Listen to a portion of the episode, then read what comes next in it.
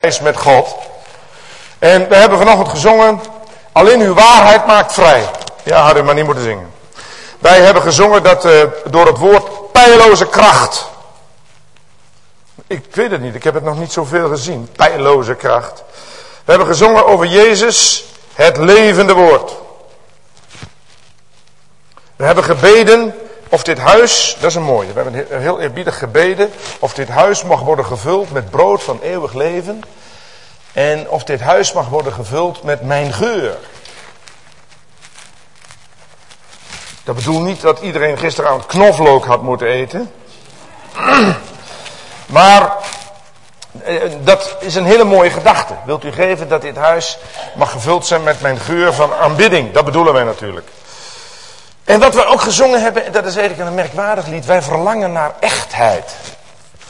Ik geloof inderdaad dat, uh, dat is een goed verlangen. Wij verlangen naar echtheid. Ook als men, uh, uh, als, als men een product koopt, dan wil men geen B-merk. Men wil een echt merk dat zijn kwaliteit heeft bewezen. Wij willen naar, en we hebben gezongen, wij, wij verlangen naar echtheid in ons hart. Daar wil ik het vanochtend met u over hebben.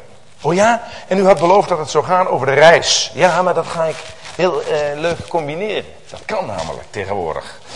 Ik wil het met u hebben over geestelijke groei. Wie wil hier allemaal geestelijk groeien?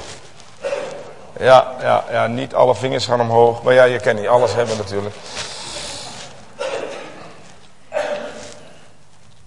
Als je als christen namelijk niet geestelijk groeit, blijf je stilstaan. En wij kennen ook in de wereld het spreekwoord stilstand is achteruitgang. Als je geestelijk niet groeit, dan, uh, ik heb het niet lichamelijk over geestelijk, dan, uh, dan val je een terug. Dat blijkt ook in het geestelijk leven van een christen voor te komen, dat als er geen nieuwe spirit is en geen echtheid in het hart en als er geen uh, groei is, dan op een gegeven moment word je een gezapig christen. Nederland is vol met gezapige christenen. Die geloven het allemaal wel, gaan zondags naar de dienst en, en, en dat is dan weer genoeg voor de volgende week. Lieve vrienden, ik ga u vertellen hoe je dat moet doen. En het is net als lichamelijk. Als je geestelijk wil, als je lichamelijk wil groeien, dan moet je eten. Dat vindt zelfs Sonja Bakker. Sonja Bakker zegt altijd, je moet wel eten. En u kunt zeggen, ja maar ik ben dik zat. Maar een mens om te leven, om te presteren, moet eten. U kunt nooit zeggen, luister eens, ik, uh, ik schijn nou voorlopig uh, uit met eten, want ik heb er geen tijd meer voor. Ik ga de eerste vier jaar niet meer eten, want ik heb het zo druk. Ik heb een heel druk project, dus ik ga zeker niet... Dat lukt niet, want dan, uh, dan is alles onmogelijk. Maar zo is geestelijk ook. Als u geestelijk wil presteren en geestelijk wil groeien, moet u ook eten. En dat doen wij niet zo graag. Wij hebben, wij, dat kost ons te veel moeite. Net als kleine kinderen. Kleine kinderen willen ook niet eten. Mijn dochter, mijn dochter Hilde, ik weet nog wel, die is nu moeder van mijn oudste kleindochter. Maar toen die klein was, was elke maaltijd, dan gingen mijn vrouw en ik eerst maar eens bidden. Want uh, die at gewoon niet. Stel je voor dat een jongetje tegen zijn moeder zegt, zegt moeder, ik heb zo'n hekel aan eten. Uh, ik heb zo'n hekel aan eten. Vindt u het goed dat ik in plaats van te eten heel hard om het huis ga fietsen? Uh, want uh, ja, ik, uh, ik, begrijp dat ik moet groeien, maar ik, ik wou dat nou eens even niet eten, want ik heb zo'n hekel aan eten. laat mij maar om het huis fietsen. Dan zal die moeder, als die moeder slim is tegen dat kind zeggen, ja dat kind dat kan niet jongen, want dan groei je niet. En dan word je ziek en, en, enzovoort, enzovoort, enzovoort. Er is voor groei geen alternatief dan eten. Je kunt u zeggen, waar wilt u naartoe? Dat is geestelijk ook zo. En ik ga met u een geschiedenis behandelen waar je dat kunt zien, een geschiedenis in het Oude Testament.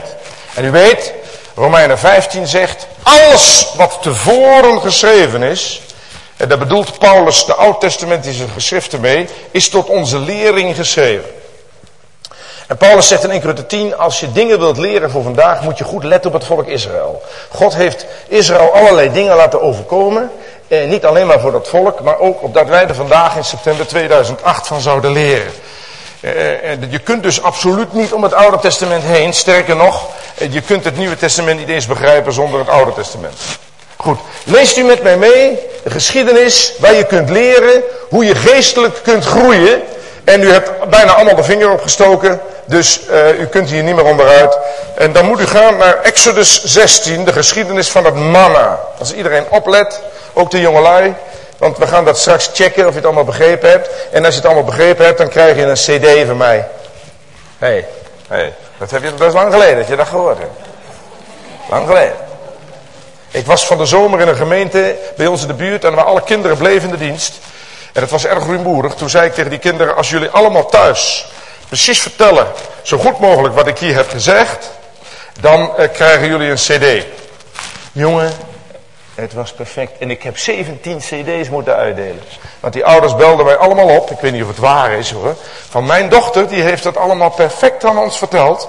En mijn zoon, en dat verschilde in leeftijd, heeft het perfect aan ons verteld. Ja, dat kostte mij cd's. Maar die kinderen hebben geleerd om te luisteren. En vergeet even niet eh, dat als je als jonge, jonge man of jonge meid luistert, dan kun je het later zelf ook. Want wij zijn op een gegeven moment zo oud dat we het niet meer kunnen. En waar is de nieuwe generatie van sprekers? Dus ik zal maar nooit kritisch zijn op sprekers. Want eh, als de Heer niet komt, zijn wij toe aan een nieuwe generatie die hier het woord kan brengen. Ik was vroeger, toen ik zo oud was als jullie, ook zo kritisch. En ik dacht, als die broeder begint te spreken, dan kom ik niet doorheen. Oh, wat is, dat, de ergste, dat zijn de ergste minuten van de week. Als die gaat spreken, oh wat erg, oh wat erg.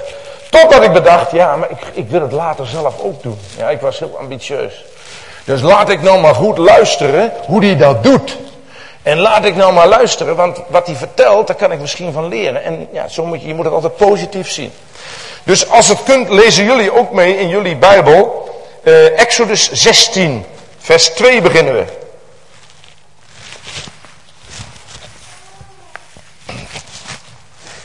En in die woestijn ja, morde, de hele vergadering. Morren, dat is het oude woord voor zeuren.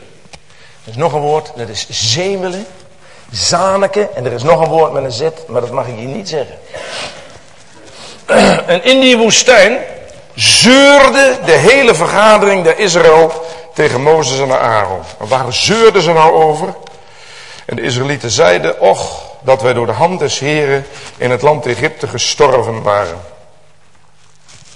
Toen wij bij de vleesspotten zaten en volop brood aten.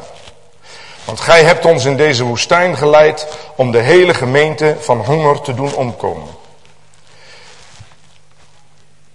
Toen zeide de Heere tot Mozes, zie ik zal voor u brood, dat is mooi hè. Ik zie, ik zal voor u brood uit de hemel laten regenen. Vind je het mooi of is het mooi? Dan zal het volk uitgaan en verzamelen zoveel als voor elke dag nodig is. Ja, vers 14. Toen de dauwlaag opgetrokken was, zie daar lag over de woestijn iets fijns, iets schilferachtigs. Fijn als rijm op de aarde. Vers 31. En het huis Israëls noemde het manna en het was wit als korianderzaad en de smaak ervan als die van een honingkoek. Het is, natuurlijk een heel groot gedeelte en, en elk woord in dit gedeelte is een juweel. Maar we beperken even ons deze morgen tot de hoofdgedachten. Het is een hele mooie geschiedenis. Even de voorgeschiedenis. In uh, Exodus 3, weet u nog wel, werd het volk gered uit Egypte. Het volk Israël was in Egypte en werd uh, ontzettend uh, onderdrukt door de farao. Maar God heeft ze uit die, uit die slavernij geleid. En het volk was daar zo ontiegelijk blij mee, dat in het hoofdstuk hiervoor, hoofdstuk 15, is er een aanbiddingssamenkomst. Een praise-dienst zouden wij tegenwoordig in goed Nederlands zeggen. Letten jullie ook even op daar op de tweede rij? Ja? Hadden we afgesproken. Want in Exodus 15, in het vorige hoofdstuk, begint met... Toen zong Mozes dit lied. En in het hele hoofdstuk 15 het hele hoofdstuk 15 was een aanbiddingssamenkomst. Fantastisch. En dan komt hoofdstuk 16 en dan staan die Israëlieten met hun blote voeten in het gloeiend hete woestijnzand. En dan komt de praktijk. Het is niet zo moeilijk om in deze prachtige zaal uh, Exodus 15 te vieren. Grote aanbidding voor wat de Heer gedaan heeft. Gered van de slavernij van de zonde. Gered van de Satan. Vreugde, blijdschap. Op weg naar het hemels Canaan. Maar morgen is het maandag 22 september. Eh, met alles wat daarbij hoort. En die Israëlieten hebben dus een, een, een, een samenkomst van aanbidding gehad. En dan dag daarna beginnen ze ontiegelijk te zeuren. Ongelooflijk te zeuren. Waar zeuren? En hoe, hoe komt dat dat ze gingen zeuren? En ze hadden geen eten. Of eh, ze hadden wel eten, maar dat, was, dat eten vonden ze niet lekker. Dat vandaag de dag ook. Mensen kunnen ontzettend zeuren als het eten niet lekker is. Van de week sprak ik mijn buurman, die was naar Gran Canaria geweest. Ik zeg, Harry, want hij heet Harry. Ik zeg, Harry, hoe was de vakantie? Ja, het eten was niet goed. Ja joh, dan had je een boterham met pindakaas mee moeten nemen. Ja, maar was het verder niet fijn, het strand en zo? Ja, allemaal geweldig, maar eten was niet goed. Ik bel 14 dagen geleden mijn oude vader, 91. Ik zeg, pa, hoe is het met u? Ja, ik heb niet zo best gegeten. Dat vinden wij ontzettend belangrijk. En eh, als iemand, als je ook goed gegeten hebt, lekker gegeten hebt, dan, dan dat is, vindt men een prettig gevoel. En als je het niet lekker gegeten hebt, dan, worden sommige mensen zaggerijnig. En dat was hier met Israël ook zo.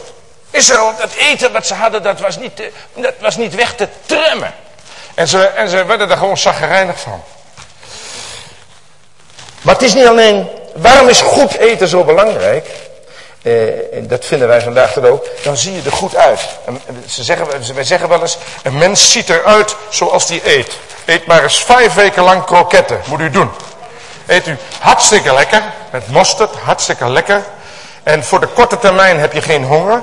Maar of u, hoe, hoe goed uw huid ook is, je zult het gaan zien.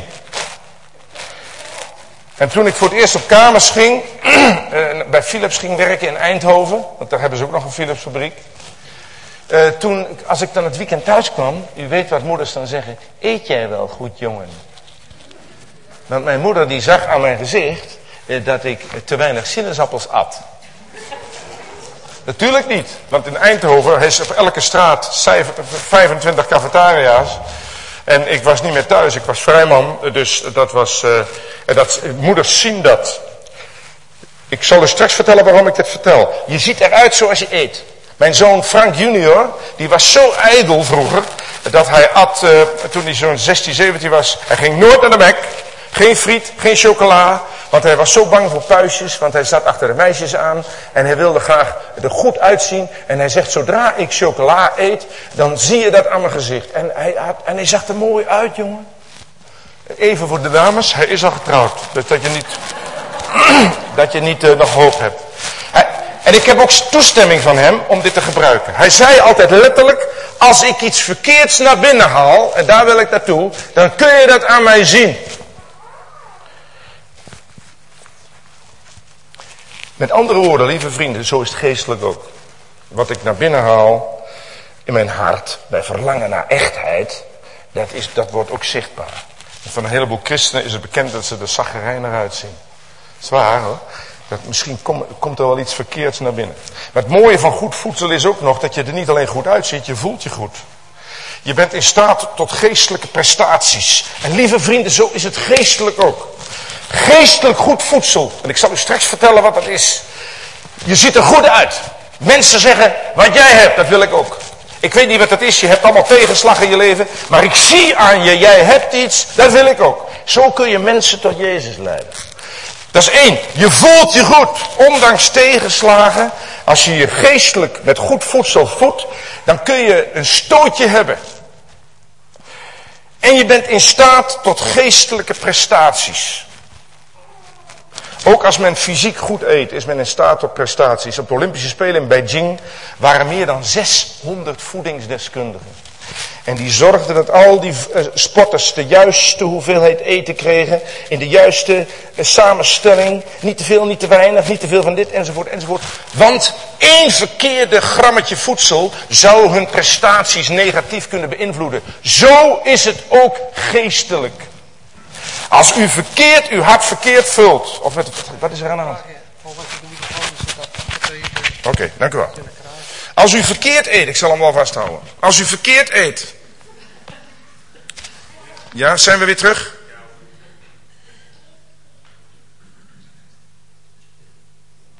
Als u, verkeerd, als u verkeerde dingen in uw hart naar binnen brengt. Het verkeerde wat u ziet, het verkeerde wat u hoort. Dat beïnvloedt uw geestelijk welzijn. Men kan het aan uw gezicht zien. U bent niet in staat tot geestelijke prestaties. En dat willen we allemaal. Als ik u vraag, wilt u geestelijk presteren? Wilt u werkelijk kracht hebben? Het vuur van de Heilige Geest, zoals ook wij vanochtend hebben bedacht. Dan moet u goed opletten wat er binnenkomt. We hebben, eh, zoals als u maag wilt vullen, dan moet u fysiek eten. Daar nemen wij per dag zo'n uur tot anderhalf voor. Maar als u uw hart wilt, als u geestelijk wil groeien, moet u uw hart vullen. En daar nemen wij per dag geen anderhalf uur tijd voor. Het is onvoldoende om hier te zijn en naar de Bijbelstudie te gaan. En dat is, dat is heel geweldig als u dat doet. En dat doet ook niet iedereen. Maar het is niet voldoende. U moet elke dag, moet u ook momenten kennen dat u uw hart vult. En niet met rommel, vergeeft u mij het woord. Niet met de verkeerde lectuur, niet met de verkeerde televisieprogramma's. Want dan zie je er beroerd uit. Je voelt je niet goed. En je bent niet in staat tot geestelijke prestaties. Maakt mij niks wijs. U moet eigenlijk, hè, en dan wil ik niet moralistisch doen. U zou eigenlijk net zoveel tijd moeten besteden aan het vullen van uw hart. Dan u besteedt aan het vullen van uw maag. Uw maag moet u vullen om fysiek te groeien. Uw, hart moet u vullen om geestelijk te groeien. Lieve vrienden, geestelijke groei gaat niet automatisch. Niemand maakt mij dat wijs. Ook om geestelijk te groeien, om tot nog meer eer voor God te zijn, om een nog betere aanbidder te zijn, moet u uw hart vullen met het juiste voedsel. Met welk voedsel? Het woord van God. Is dat ouderwetse taal? Nou, het zij zo. Ik doe het ervoor. Er staat in Jeremia 15, hoeft u niet op te zoeken. Daar staat, O Heere, zo vaak uw woorden gevonden werden, at ik ze op. Hoe vind je die? Uw woord was mij tot vreugde en blijdschap van mijn hart. De profeet bedoelt hier, ik ben zo, ik ben zo verslaafd aan het woord van God, dat ik, ik wil mijn binnenste daarmee vullen. Dat is geen vrome taal. Werd, werd dat maar meer gevonden. In Ezekiel 3, God zeide tot mij, mensenkinden, laat uw buik deze rol die ik u geef, met mijn woord, in zich opnemen en vul er uw binnenste mee. Toen at ik die op en zij was in mijn mond zoet als honing. We hebben vanochtend gezongen van honing. Ziet u dat? De Bijbel vergelijkt het, de kracht van het woord van God met geestelijk voedsel. Maar lieve vrienden, dat gaat niet vanzelf. Er zijn van die mensen die zeggen, je hoeft de Bijbel niet te lezen. Dat gaat allemaal vanzelf. Op je hoofd staat een grote trechter en de Heilige Geest stopt het daarin. Welke halve zol dat verzonnen heeft, ik weet het niet. Maar het is een misleiding en een drogreden. Ik heb u gelezen dat manna van de Israëlieten, ik zal het straks vertellen, dat moesten zij toevallig wel zelf verzamelen. Het was niet zo dat de Israëlieten buiten konden gaan staan en dat God het in hun mond regende. De Israëlieten moesten elke dag, ze mochten niet overslaan, verzamelen zoveel als voor die dag nodig. En lieve vrienden, ik daag u uit en mezelf ook. Hoeveel tijd, u mag het antwoord zelf geven, alsjeblieft zachtjes. Hoeveel tijd besteedt u per dag aan het vullen van uw hart? Oh, zat. Wij vullen ons hart, ik heb het al verteld, met verkeerde lectuur, met verkeerde televisieprogramma's, met verkeerde internetprogramma's. Wees nou maar eerlijk, ik ben niet moralistisch, ik zet de dingen graag duidelijk neer. We willen allemaal dit, we willen allemaal Lakeland in Nederland, en we willen allemaal gigantische opwekkingen, en we willen allemaal weet ik wat, en ondertussen is ons hart bijna leeg. En we doen weinig tot geen moeite om ons hart net zo te intensief te vullen als we onze maag vullen. Lieve vrienden, die opwekking wil God echt wel. U denkt toch niet dat God wacht uh, tot zoveel maart 2000 en dat hij dan op een knopje drukt en dat er de opwekking komt. We kunnen bidden om opwekking zoveel als we willen. Maar zolang wij niet de drang hebben om ons hart te vullen met geestelijk voedsel, gebeurt er niks.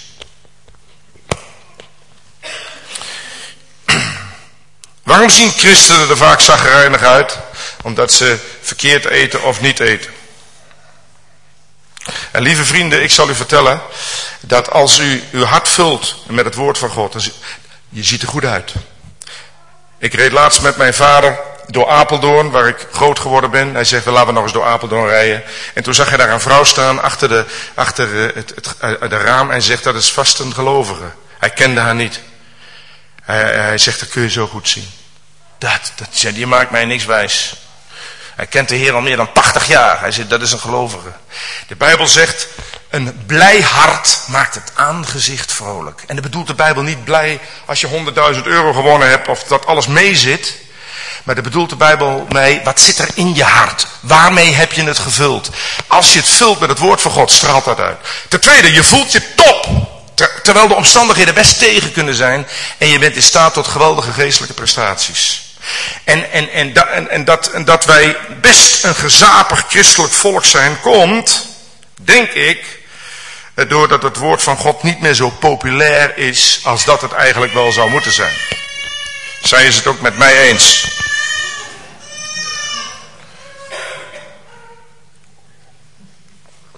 Zie, zie, dat vind ik mooi. Zij doet het ook op het juiste moment. Zij timed dat goed. Goed, zo was het, ik heb het u duidelijk gemaakt. Zo was het met Israël ook. Israël was niet tevreden. Wat doet God? God had heel boos kunnen worden. God had tegen Israël kunnen zeggen, wat sta jij mijn dienstknechten te beledigen, Mozes en Aaron? Wat verlangen jullie terug naar Egypte? Je weet verbazend goed hoe slecht je het daar had. God had spinnijdig kunnen worden, maar God doet het niet. In vers 4, toen zeide God niet, ik zal zorgen dat je eten krijgt. Dan gaat God ze verbazen. Dan gaat God iets doen wat hij nog nooit gedaan heeft. Vers 4, ik zal voor u brood uit de hemel laten regenen. Kijk, dat, is, dat gebeurt ook werkelijk. Dat vind ik mooi. Maar zegt God, niks geen flauwekul. Dan moet je wel naar buiten gaan en je moet verzamelen zoveel als voor elke dag nodig is. Dat vind ik nou mooi. In Psalm 78 staat hierover, God opende de deuren van de hemel en deed voedsel op hen regenen. Hij schonk hun hemelkoren. Brood der engelen at ieder. Kijk, dat vind ik nou top. God doet niet voor minder. En we zullen straks zien dat dat voedsel manna heette. En ik zal u ook vertellen waarom God dat manna, waarom de Israëlieten dat manna hebben genoemd. Maar weet je wat nou het mooie van dat, van dat brood is wat God uit de hemel laat regenen? Dat manna, dat spreekt van de Heer Jezus. En hoe leer je de Heer Jezus kennen? Door het woord van God. De Heer Jezus zegt, Johannes 5, de schriften zijn het die van mij getuigen. Hoe weet ik dat dat manna spreekt van de Heer Jezus? Dan moet u met mij meelezen Johannes 6. Daar vindt u dat allemaal haarfijn. Johannes 6.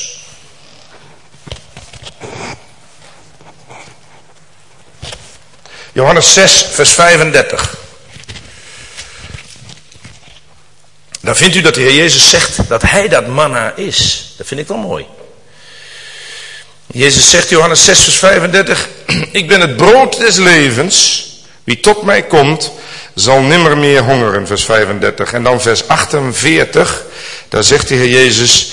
Ik ben het brood des levens. Uw vaderen hebben in de woestijn het manna gegeten en zijn gestorven. Maar dit is het brood dat uit de hemel neerdaalt, opdat wie ervan eet niet sterven. Ik ben het levende brood. We hebben ervan gezongen. Dat uit de hemel neergedaald is. Indien iemand van dit brood eet, hij zal in eeuwigheid leven. Hij is het ware manna. Denkt u goed aan. En als je je hart vult met de Heer Jezus, dan zie je er top uit. Je voelt je top. En je bent in staat tot geestelijke prestaties. Maar er is maar één manier waarop je je hart kunt vullen met de Heer Jezus. Dat is door het woord van God. En geen alibi gedrag en geen alternatieven. Dat denken wij. Oh, maar ik, als ik start te zingen, dan vul ik mijn hart ook met Jezus. Is niet waar. Dat is een uiting. U, u, u vult uw hart niet, u uit uw hart. Oh, en als ik door de natuur loop, dan vul ik mijn hart met Jezus. Nee, u vult uw hart niet, u uit uw hart in bewondering. De Heer Jezus zegt zelf dat het woord van God spreekt van hem. En lieve vrienden, wil je Jezus beter leren kennen, dan moet je het woord van God openen. En ik herhaalde, Jezus zegt Johannes 5, het zijn de schriften die van mij getuigen. Even kijken naar dat manna. Uh, hoe zag het eruit? Vers 31, ziet u, het was wit als korianderzaad. Het was wit als korianderzaad. Allereerst, het was wit. De Heer Jezus, wit spreekt in de Bijbel altijd van heiligheid en reinheid. We hebben daarvan gezongen. We hebben allerlei liederen over het manna vanochtend gezongen. En zal ik je vertellen, de Heer Jezus was rein en heilig en hij was God gehoorzaam in alles. Zal ik u vertellen, als u uw hart vult met de Heer Jezus, gaat u dat ook doen. Ja, daar staat er in 1 Petrus 2, hiertoe zijn gij geroepen. Daar Christus voor u een voorbeeld heeft nagelaten, opdat gij in zijn voetstappen zoudt treden. Ja, maar dan moet je je eerst verdiepen in de Heer Jezus. En het gaat alleen maar door het woord van God. En als je dat doet, dan, heb je, dan, dan komt dat tot uiting in een reine, heilige wandel, aangenaam voor God. In Johannes 4 staat, zoals Jezus is, zijn ook wij in deze wereld. Ja, wij worden geroepen om zo te zijn als de Heer Jezus. Dat kan alleen als u hart vult met Hem. Dan komt dat naar buiten. Nog wat anders. Het was niet alleen wit, maar, de, maar het, zag, het zag eruit als korianderzaad. Korianderzaad verspreidt een heerlijke geur. We hebben vanochtend gezongen dat uh, onze wens is dat dit huis gevuld is met onze geur. Koriander is een van de meest beroemde geuren, nog steeds. In Frankrijk, in Zuid-Frankrijk, daar zijn, daar zijn al de, daar worden groeien gewassen voor de parfumindustrie. En op die grote velden in de Dordogne en de Auvergne groeien maar twee gewassen. Dat is lavendel en koriander. En van deze twee grondstoffen maakt men, componeert men de geweldigste parfums. En, en, en het was wit, het manna was wit als korianderzaad. Lieve vrienden, als je je hart vervult met Jezus, verspreid je een geur. Dat, is ook, begrijpt u wel. Ik heb, het, ik heb het woord knoflook al genoemd. Als je, als je je maag vult met knoflook, verspreid je ook een geur. Je kunt dus soms aan iemand ruiken wat hij gisteren gegeten heeft. Je kunt, als iemand bruine bonen met spek heeft gehad, kun je dat soms drie weken later nog ruiken. En, en als u flink aan de shawarma gaat op zaterdagavond, dan, zult, dan zullen er zijn in deze dienst de volgende dag die zeggen van, uh, nou dat was zeker gezellig gisteravond. Wat je, wat je eet, dat, dat, dat, dat zie je niet alleen aan iemands gezicht, maar dat kan je ook ruiken. Maar zo is het ook als je hart vult met de Heer Jezus. Paulus zegt, hoef u niet op te zoeken, maar ik, ik lees het voor. 2 Korinthe 2. De reuk van de kennis van Christus moet door ons worden verspreid. Want wij zijn een geur van Christus voor God, voor hen die gered worden en voor hen die verloren gaan. Ziet u? Haha! Als ik mijn hart vul met de Heer Jezus, verspreid ik een geur voor God, aanbidding. Laat dit huis vervuld zijn van uw geur. Ten tweede verspreid ik een geur voor hen die gered worden. De gemeente. Geweldige zegen. Ten derde verspreid ik een geur voor hen die verloren gaan. Kijk, dat is mooi. Daar komen vaak geen woorden aan te pas. Er zijn mensen die weinig zeggen, maar die, die in hun leven gewoon in hun, aan hun collega's, aan hun vrienden, aan hun buren laten zien wie Jezus is. En ik zal u vertellen, er zijn heel wat mensen die daardoor tot geloof komen. De vraag is die ik, die, die ik stel aan mezelf en aan u, welke geur verspreiden wij? Is het onze geur? Of is het de geur van de Jezus? Die geur van de Heer Jezus verspreidt u dus alleen als u eerst uw hart met Hem vult. Hoe doe je dat? Door net zoveel tijd te nemen, ik zeg dat even overdreven, eh, om uw hart te vullen als dat u tijd neemt om uw maag te vullen. Persoonlijk in uw binnenkamer.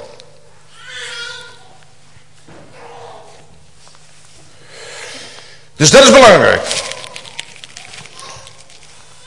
Ten tweede is wel heel belangrijk, hoe, hoe, hoe, hoe, zag dat manna er verder uit? Dat vind je in vers 14.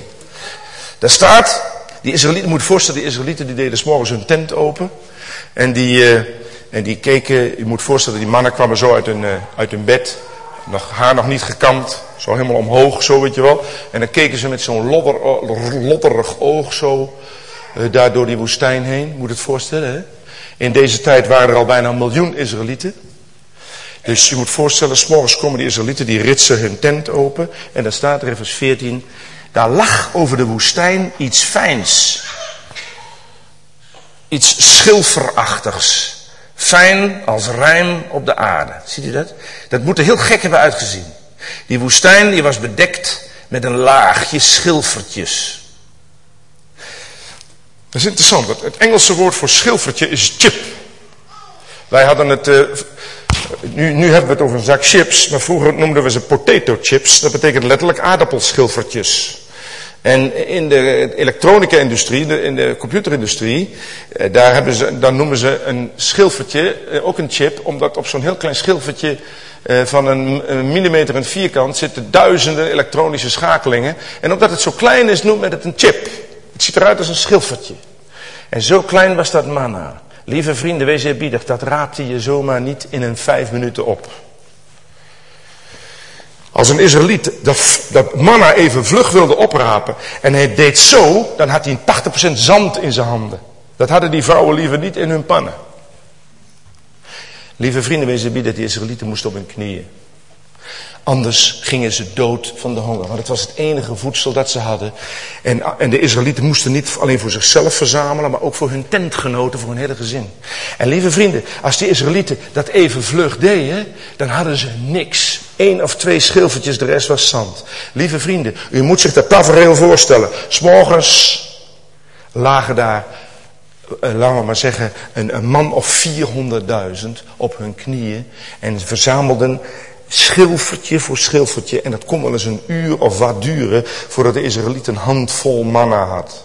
En dat was voor hem en voor zijn gezin. Deed hij dat niet, ik herhaal, dan ging hij dood. Lieve vrienden, hoe, hoe doe ik dat?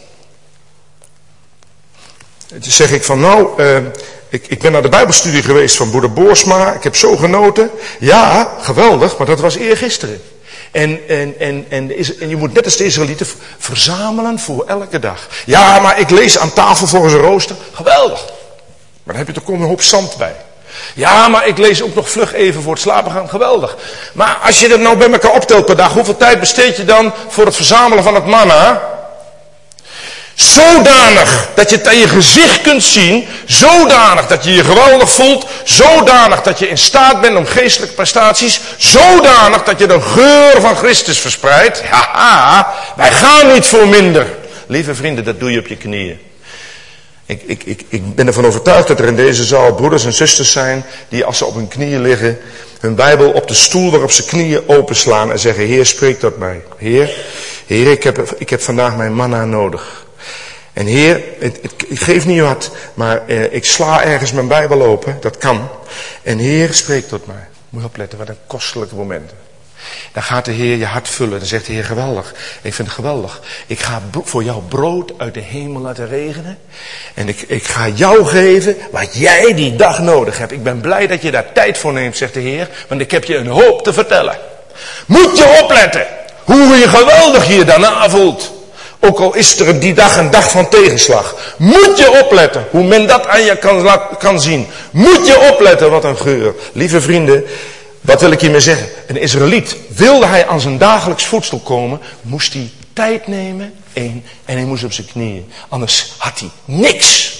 En lieve vrienden, als u geestelijk niet wil doodgaan, want dat kan namelijk. Hoeveel christenen vallen niet terug? En hoeveel christenen komen niet terecht in de wereld? En hoeveel christenen eh, wandelen niet tot oneer van God? Als u dat niet wilt, als u niet geestelijk, bij wijze van spreken, eh, achteruit wilt boeren, als u niet geestelijk wilt doodgaan, Ga op je knieën en laat de Heer tot je spreken. En ik heb het nu niet over bidden, over het opzeggen van je verlanglijstje. Dat is een, dat is een ander soort gebed. Laat nou de Heer eens tot je spreken. Er zijn eigenlijk twee soorten gebed. Dat, eh, gebed is communicatie. Uh, het, Hebreeuwse woord, het, het, het Latijnse woord communicare betekent met elkaar in verbinding staan. Gebruik uw gebed om tot God te spreken. Maar gebruik uw gebed ook om God tot u te laten spreken. Wij hebben toch de neiging om gebed een Sinterklaaslijstje te, te maken. En God te vertellen wat we er allemaal nog ontzettend graag willen hebben. Dat weet God allemaal al lang. Uw vader weet wat gij van noden hebt voordat gij bidt. Maar laat nou God eens spreken. Laat zei iemand tegen mij, als je per dag een half uur bidt, moet je een kwartier praten en een kwartier stil zijn. Dan moet je eens opletten, moet je eens op wat er gebeurt. Oh ja? Ja. Gebeurt dat echt? Ja. Moet je wel de tijd nemen. Want, en moet je opletten wat er in je hart komt. En doe dat maar met een open Bijbel. Want het kan ook zijn dat God door zijn woord spreekt. Want iemand kan tegen mij zeggen, ik heb nog nooit de stem van God gehoord. Oh ja, dat kan, omdat God heeft, heeft de moeite genomen om een brief te sturen van 1200 bladzijden. Je hoeft niet altijd Gods stem letterlijk te horen. God kan tot jou spreken door zijn woord. Elke woord in de Bijbel is een juweel. En God spreekt door zijn woord. Laat God dat dan ook eens doen. En neem daar de tijd voor. Er zijn maar heel weinig mensen die per dag uh, vijf minuten besteden om te eten. Dat, dat, dat, dat, kun je, dat, kun je, dat, dat red je niet. Uh, en, en, en toch, toch besteden wij uh, soms vijf minuten om God tot ons te laten spreken. Ja, lieve vrienden, dan krijg je maar zo'n beetje binnen. En dan, ja, dat, dat, dat kan zijn dat je, dat, dat, je daar niet, dat je daar niet tevreden mee bent. En dat die geestelijke prestaties ook tegenvallen enzovoort. Lieve vrienden, op de knieën. En weet je wat er dan gebeurt? Ha, ha, ha, ha. Vers 31. Hoe smaakte dat manna eigenlijk? Was dat een beetje te pruimen? Nou, er staat in vers 31. De smaak ervan was als die van een honingkoek. Honing in de Bijbel was een versterkend middel. Uh, er staat, jo Jonathan die was moe van de strijd en er staat er, Jonathan at honing en zijn ogen werden weer helder. Je honing is de Red Bull van de Bijbel. Als ik s'nachts uit Zierikzee naar rij, dan begint voorbij Zwolle, begint de moeheid toe te slaan. En ik ben wel eens bijna tegen de vangrail wakker geworden. En dan neem ik een, een, blikje, ik zal geen merk verder noemen, maar van een energiedrank en dan kun je weer een uur. Het probleem is als je thuis komt dat je de slaap niet kunt vatten. Maar daardoor krijg je kracht. Honing in de Bijbel is, was een versterkend middel. Het is trouwens nog. Honing is een van de weinige natuurproducten in Nederland waar je niks aan mag toevoegen. Als je een bus honing koopt, heb je altijd goede honing, maar dat mag niet. Het is een versterkend middel. Daarom zijn de bijen ook zo belangrijk voor de, voor de mensheid. En lieve vrienden, zo smaakte het manna. Dat wil zeggen, als je het woord van God tot je neemt, hè, dan kun je, ken je wat. Dan ben je geen mietje, dan ben je in, inderdaad in staat tot geestelijke prestaties. Als er dan tegenslag komt, want dat wordt ons niet bespaard, dan kun je er tegen. Ja, er zijn christenen als er tegenslag komen, dan krijgt de gemeente de schuld en de voorganger en de oudste. Niks deugt er, God deugt er niet, enzovoort, enzovoort, enzovoort. Maar zo is het niet. Lieve vrienden, honing is de kracht die je ontvangt door het woord van God. En als je, te weinig, als je te weinig van het voedsel van de Heer binnenkrijgt, dan kun je niks hebben. Als je, ik heb al eens gehoord als een hongerstaker, als die drie weken lang niet eet. En die hongerstaker die staat gewoon en je geeft hem een heel licht duwtje, valt hij al om. Hij heeft niets, geen enkele kracht meer. Maar zo is het geestelijk exactemento zo. Als, als, alsof ons hart niet vol is met het woord van God. Als ons hart gevuld is met rommel van deze wereld. Het spijt me dat ik het zo zeggen moet. En dan komt er een tegenslag. En dan gaan we. Lieve vrienden, het woord van God heeft zo'n geweldige kracht. Ik zeg dat met power, omdat het woord van God, ik herhaal, niet meer zo populair is als dat het was. En we hebben het hartstikke nodig. Daarom moeten we blij zijn met broeders zoals Willem Boorsma. En we hebben er niet zoveel van in Nederland die dat woord nog op een krachtige manier kunnen uitleggen. Er zijn genoeg broeders die hier op het podium dingen kunnen vertellen. Allemaal leuk. Leuk voor de entertainment. Leuk en gezellig. En eh, de, wat hebben gelachen. Wat was het verschrikkelijk leuk. Maar je hart wordt er niet vol van. En lieve vrienden, bid voor broeders die een bediening hebben om het woord van God uit te leggen. Want daar hebben wij vreselijk nodig. Want anders groeit de gemeente misschien wel in aantallen, maar niet in kwaliteit. En dan komt er een tegenslag in de gemeente en hup, daar gaat hij. Er, is, er gaat bijna geen, geen maand voorbij in Nederland, daar gaat weer een gemeente omver. Wat blijkt? Uh, de Bijbel, uh, die had niet bij de eerste plaats, maar allerlei andere leuke dingen. En lieve vrienden, die, dat is in 2008 niet veranderd. Lieve vrienden, de smaak was als honing. Maar nog wat leukers, ik heb altijd leuke dingen. In, in nummer 11, hoeft u niet op te zoeken, wordt ook over een mannen gesproken. En wat staat daar? De smaak ervan was niet alleen honing, maar de smaak ervan was van oliegebak. Wauw! En olie in de Bijbel is een beeld van de Heilige Geest. Zacharia 4, vers 1 tot en met 6 leert ons dat olie spreekt van de kracht van de Heilige Geest. Wauw!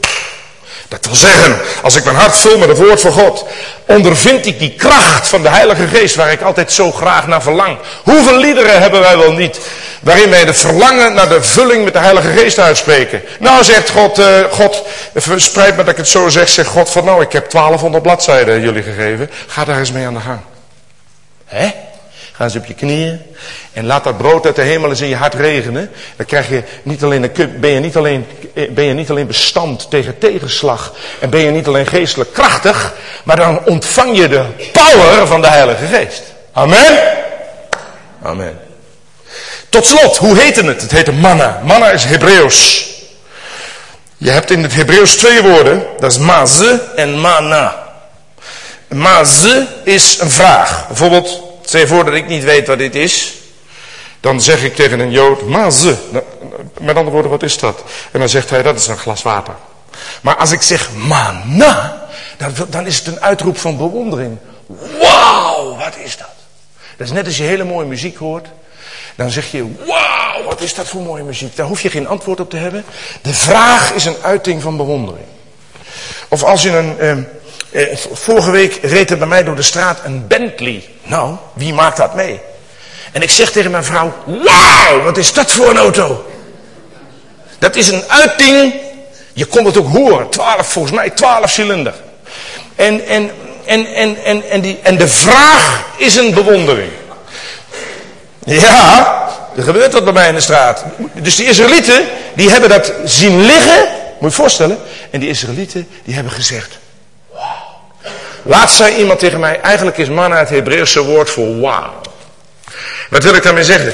Lieve vrienden, als je hart vol is van de Heer Jezus, dan zeg je regelmatig wauw. En laten we dat maar aanbidding noemen.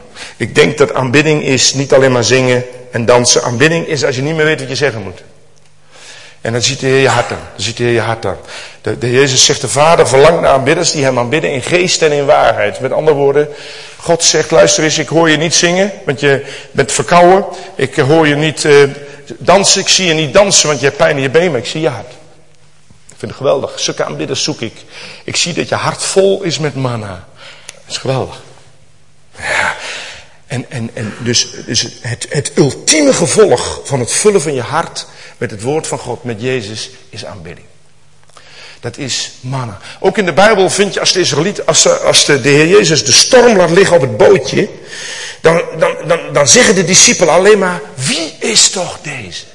Daar hoeven ze geen antwoord op hebben. En dat bedoelen ze de Heer Jezus. Dat, de, de vraag is een uitroep van bewondering. Wauw. Mana. M-A-H spatie N-A. Mana. Wauw, wat is dat? En lieve vrienden, dat is het mooie. Dus ik besluit met even samen te vatten. Als je tijd neemt om je hart te vullen met het woord van God. Op je knieën. Dan gebeuren er drie geweldige dingen in je leven. En, en daar wil ik, wil ik u meegeven. Allereerst je eigen zegen. Laten we maar even met onszelf beginnen. Je voelt je lekker. Wat de omstandigheden ook zijn. Want wij voelen ons vaak alleen maar lekker als de omstandigheden mee zijn. Maar het woord, het woord van God in je hart, vol in je hart met Heer Jezus. Je voelt je lekker, je ziet er goed uit. Waar het hart van vol is, een blij hart maakt het aangezicht vrolijk. En de Heer Jezus zegt in Lucas 6, waar het hart van vol is, daarvan spreekt de mond. En ten derde, je bent in staat tot geestelijke prestaties. Wij hebben in de gemeenten in Nederland geest, broeders en zusters nodig met geestelijke prestaties. Die power neer kunnen leggen. En de vierde zegening is, u ontvangt de kracht en het vuur van de Heilige Geest. De smaak ervan was als oliegebak. De tweede categorie van zegen is die voor anderen om ons heen. Je lijkt op Jezus. Hoe vind je die? Ja, want als je als je, je voedt met het hemelse manna, dat was wit en het, het spreekt van, van, de, van de gehoorzaamheid van de Heer Jezus. Ten tweede, je bent een geur van Christus naar de gemeente toe. Daar hebben wij ook behoefte aan. Aan mensen die de geur van de Heer Jezus verspreiden. Want dat gaat niet automatisch. Ten derde, je bent een geur van Christus voor de ongelovigen. Dus kijken wat een power van het woord van God. En de derde categorie, en eigenlijk ik die het eerste moeten noemen. Je bent tot eer van God. Je lijkt op de Heer Jezus. God wil in mij, laat ik met mezelf beginnen, de Heer Jezus herkennen. Ten tweede, ik ben een geur van Christus naar God. En last but not least, ik word een betere aanbidder. Hoe vaker ik op een dag zeg, Jezus, wie bent u toch? Oh, wat bent u groot. Wie is toch deze? Hoe dichter mijn hart bij God komt, hoe dichter mijn hart bij de Heer Jezus komt. En hoe, hoe, intenser God met mijn leven aan zijn doel komt. O lieve vrienden, ik wil u oproepen. Ik begin met mezelf. U denkt van ja, eh, die broeder, die broeder Boersma en die broeder Ouweneel, die hebben makkelijk praten. Die moeten de hele dag met de Bijbel bezig zijn. Eh, om, om, om het woord door te kunnen geven. Ja, maar dat is wat anders. Of jij je met het woord moet bezighouden om het door te geven aan een ander. Of dat jij zelf in je eigen persoonlijke christelijk leven wilt groeien in het geloof. Dat is wat anders. Ook die broeders die gewend zijn beroepsmatig met het woord van God bezig te zijn. Ook zij moeten net zoveel tijd nemen uh, om hun hart te vullen als dat ze hun maag vullen. Om geestelijk te groeien in een persoonlijke relatie tot de Heer. En daarom spreekt de Heer deze morgen allereerst tot Frank Ouweneel. En zegt, uh, Frank, jij staat er nou wel allemaal niets te vertellen, maar hoe is het met jou? Ja, die vraag zal ik moeten beantwoorden, net zoals u die vraag moet beantwoorden. Maar ik weet zeker, dat als ik mijn tijd stop, en zeg nou maar eerlijk, hoeveel, een heleboel mensen zeggen, ik heb geen tijd. Ik heb geen tijd. Ik geloof er geen fluit van. Ik heb nog nooit iemand ontmoet die elke seconde van de dag nodig had. Weet je waarom wij denken dat we druk hebben? Omdat we bezig zijn met dingen waar je geen fluit aan hebt. Met, met lolletjes voor de korte termijn. Ik zeg daar niks van, maar dan moet je niet zeggen dat je geen tijd hebt. Het heeft te maken met prioriteit. Als u iets heel graag wil en het kost u een uur per dag, dan doet u dat. En lieve vrienden, ik wil zeggen, als het u echt ernstig is en u wilt geestelijk groeien en u wilt een betere aanbidder zijn en u wilt de power van de Heilige Geest hebben ontvangen, ontvangen neem de tijd om God door zijn woord tot uw hart te spreken, opdat u mag groeien in de Heer Jezus tot zijn eer. Amen. Mag ik nog een lied opgeven? Want we hebben hier een hele goede muziekgroep.